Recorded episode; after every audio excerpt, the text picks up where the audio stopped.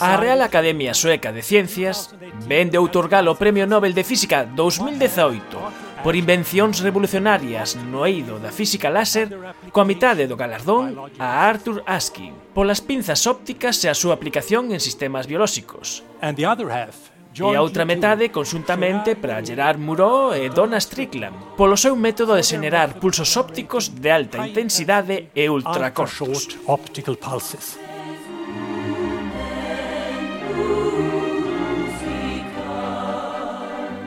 Maite Flores, moi boas noites. Boas noites, que tal? Moi ben, Maite Flores é profesora de física da Universidade de Santiago e dirixe o grupo Photonic for Life Maite. Unha metade do premio é para Askin polo desenvolvemento das pinzas ópticas, que son láseres que poden atrapar partículas pero moi moi pequenas. Sí, a pode atrapar cosas é realmente fascinante, porque se hai moitos vídeos xa colgados por internet onde podes ver como as partículas de pó incluso quedan atrapadas nun, cando se focaliza un láser. E como se pode coller, por exemplo, Eh, manipular tanto virus como bacterias ou outras células vivas sen matalos. É dicir, atrápanse polo campo intenso ou pola intensidade de luz que ten ese feixe de láser e podense mover. Feito hai un vídeo que é moi, bueno, é moi ilustrativo e todo o mundo pode entender facilmente, no que se colle unha célula e móvese esa célula, desplázase e vaise matando con ela outras células que hai eh, nun medio. Por suposto, todo isto é in vitro, non son mm. experimentos todavía en persoas eh, físicas, senón en mostras de tecido in vitro, pero bueno, a, a idea é que se poda aplicar precisamente para tratamentos médicos.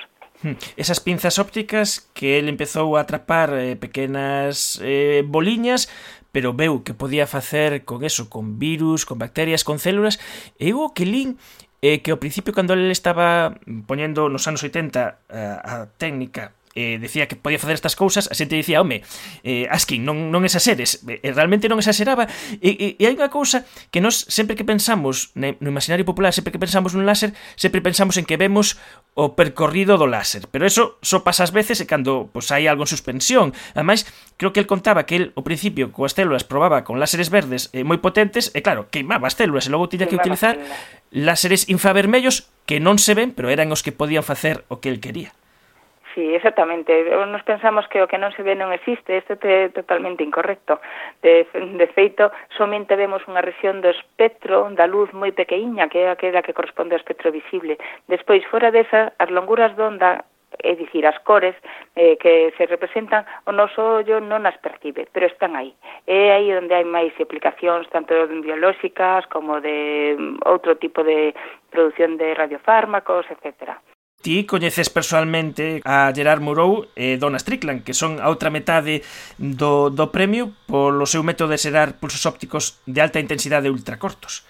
Pois sí, a verdade é que temos a sorte de poder traballar con eles porque a comunidade científica que traballa en láseres ultracortos ou intensos non é tan amplia. Entón, por exemplo, cada dous anos fais un congreso que é o IQUIL, que ainda estivemos este ano comenzos de, de setembro, onde ali, pois, Gerard Murú, pois, participa todos os anos, e temos reunións eh, en petit comité de aproximadamente 30 persoas, onde el sempre está e sempre participa. Por outra banda, a dona, eh, que é máis xove que Gerard Muró, e que como ben sabes levou o premio Nobel precisamente polo publicación, a súa primeira publicación da súa tese, pois eh, eh, foi durante varios anos membro do comité do Buró do, da Sociedade Americana de Óptica. Eh, nela, por exemplo, eu participo, temos un grupo de divulgación de ciencia eh, desta sociedade. Ela participou con nós nunha reunión, estuvo aquí en Santiago, eh, en agosto do ano 2014, nun congreso que organizamos en, de, de, deu como representación da Sociedade Americana de Óptica. Entón, con calquera dos dous, pois, pois temos o, a sorte de poder traballar. Eh, sí, aquí chama a atención eh, que neste caso premiase eh, un, un traballo que é dunha tesis de doutoramento feito eh, polo, polo director da tese e eh, polo eh, autor da tese que é algo que non é moi común, porque hai outros casos na historia dos nobles no que se premia o jefe e se olvida eh, da persoa que está facendo o traballo. Sí, Bueno, esta quizá dá, dá conta de que efectivamente ela foi unha parte moi importante, foi quen desenvolveu eh, pois experimentalmente o traballo. Inda que a idea fose de Murú, ela tamén participou nesta idea e eh, levou a cabo. Por eso esa, ese premio doble. E ademais, é a terceira muller Premio Nobel de Física despois de, de Marie Curie e de María Gopermeyer. En máis de 100 anos só tres nobeles de física mulleres.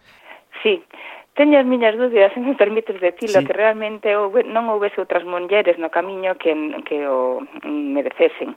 Pero sí que é certo que este mundo da física, pois hai unha prevalencia maior dos homes, E así eu desde que estudiei física hasta que agora que sou docente na Facultade de Física, incluso en todas esas reunións de proxectos europeos nos que participamos, realmente mm, nun foro mellor de 50 persoas, pois estamos seis mulleres, o sea que tampouco tan estrano porque é un pouco representativo da cantidade de mulleres que estamos. Pero que sí que unha sociedade pois quizáis non vou dicir machista, pero si sí cunha maior presencialidade de, de homes. Fíxose público do, tamén a raíz do, do Premio Nobel que hai uns meses alguén quixo abrir unha entrada na Wikipedia sobre Donna Strickland e o editor eh, da Wikipedia, houve un editor que vetou ese artigo porque dixo que non tiña entidade suficiente para ter unha, entra unha entrada propia na Wikipedia porque tan só era profesora asociada. Eh, bueno, creo que a mellor ese, ese editor agora estarás es, es, escondido debaixo de, de todas as alfombras posibles. Sí que é certo que é un pouco a destacar que, por exemplo, Dona, así como outros investigadores teñen desarrollado eh, mm, pois laboratorios moi grandes, ela permanece traballando con laboratorios máis cativos, quizabes, pero, pero non por eso moitas veces a investigación é menos importante, como cabe ver neste momento. Eu falaba fai uns días precisamente en, eh, cos instaladores dos láseres que temos nos aquí na USC, un deles, que é o segundo máis intenso de toda España, e que é o que están instalando os láseres de todas as eh, eh, as dependencias de Eli, que son as tres dependencias de láseres ultraintensos que Gerard Murú traballou para que se pudesen poñer, están poñéndose unha delas todavía en marcha, por exemplo, a de Rumanía ainda está en eso, E falábamos precisamente de que gracias a eso, a ese descubrimento que fixo Dona no seu momento, xunto con Murú, supervisada por Murú, eles tiñan traballo e se fixo unha inmensa cantidade de expansión dos láseres, xa non dos láseres correntos que todos coñecemos, punteiros láser, senón tamén pois destes láseres ultraintensos que teñen outras aplicacións.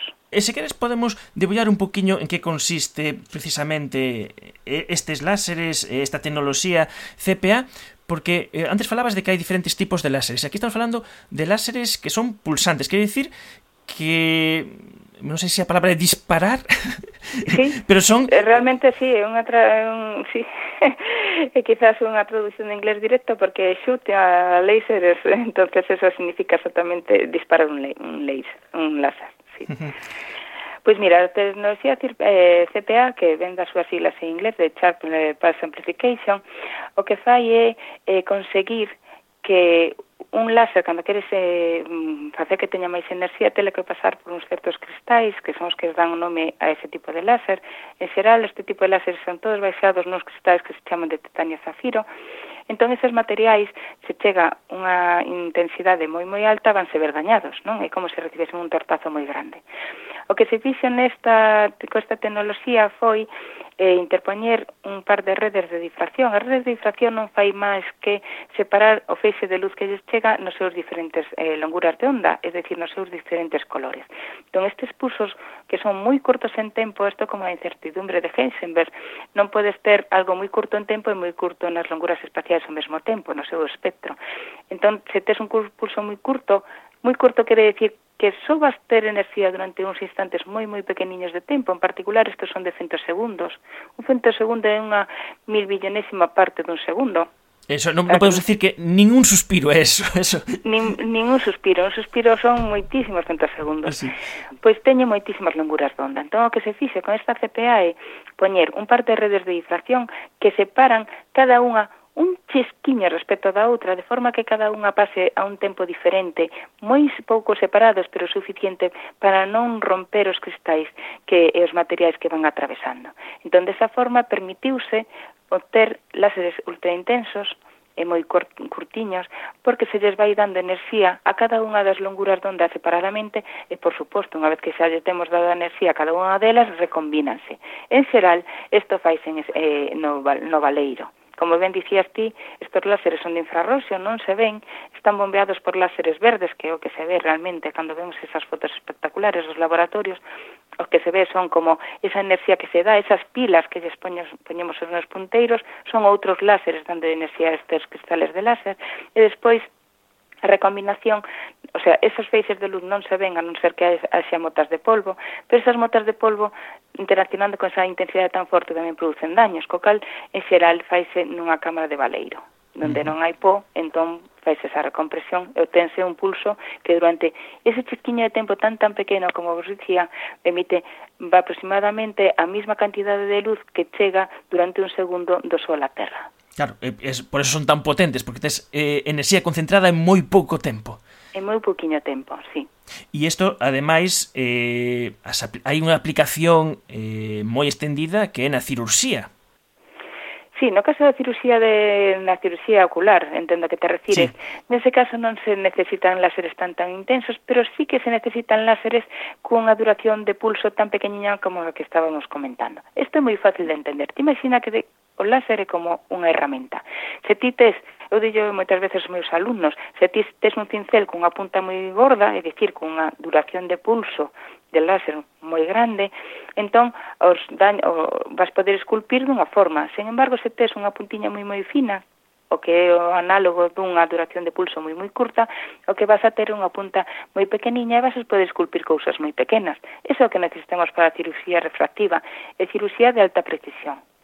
A maiores, nese tempo que interacciona o láser co teu ollo, non ten tempo suficiente ollo para quentarse, co cal non hai daño térmico e non hai dor, porque o que nos produce dor nos tecidos é precisamente o calor que se produce. Pero nese caso non dá tempo a resposta do teu corpo para xerar dor. E xa para, para rematar, que cousas investigades con ese láser que, co que traballades vos na, na Facultade de Física? Pois mira, eu vouche contar, fai uns anos a, bueno, os fondos europeos decidiron concedernos unha cuantía de cartos aproximadamente 6 millóns de euros para formar eh, unha instalación que temos aquí na Universidade de Santiago de Compostela na que o noso grupo foi o responsable de ao diseño, a posta en marcha eh, o mantemento deste láser tan intenso porque necesita de conhecimentos moi especializados.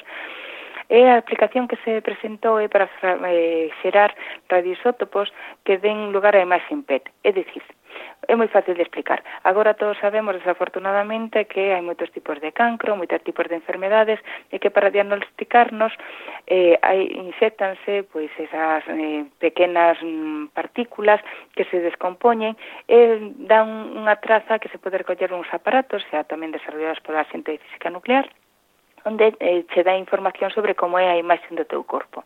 Ben, pois agora mesmo, por exemplo, no sistema nos Sergas, no sistema de saúde galega, o que se fai é xerar aquí un tipo de radioisótopo e distribuílo a todos os hospitais galegos, uh -huh. a todos os centros onde se fai isto. Eh, estes centros están pois alonxados aproximadamente unha hora, pois habría ser aquí a Lugo, habría ser aquí a Vigo, etcétera.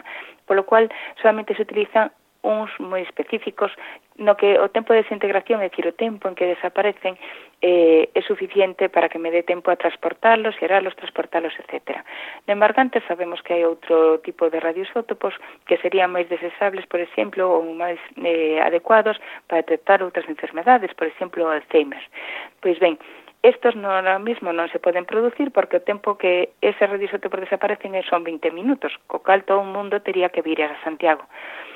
A nosa proposta foi, e iso foi o que lle presentamos ao Ministerio, e polo que nos concedeu os cartos para facer esta instalación, eh, poñer en cada un dos hospitales galegos pois un láser destes de forma que se poda xerar con custe menor que os ciclotrons que se están instalando que se poda xerar eh, radioisótopos a demanda, é dicir, adecuados para cada unha das enfermedades que, que se queran diagnosticar in situ. É ben certo que isto está nunha fase moi moi en pañais, estáse desenvolvendo, pero bueno, é unha aposta pola que estamos. Pódense facer tamén outras moitas cousas, como por exemplo, xerar fontes de luz moito máis cortas incluso que os eh, centosegundos, é dicir, atosegundos, é dicir, unha millonésima da billonésima de segundo, eh? que é máis ou menos a relación que temos entre un atosegundo, un segundo, e a proporción entre eh, un segundo e a idade do universo. Entón, xerar estas novas fontes de luz e outros tipos de aplicacións que agora mesmo están na parte de investigación, pero esperemos que cheguen algún día, ou igual que as pinzas farmacéuticas que falábamos ao principio, pois a aplicación eh, na AP de calle, é dicir, a sociedade directamente. Pois Maite Flores, eh, moitas grazas por explicarnos, por debullarnos este Premio Nobel de Física e eh, tamén por contarnos por que son tan revolucionarias estas, estas novas tecnoloxías de láser. Moitas grazas por atendernos. Moitas gracias a ti. Veña, un abrazo.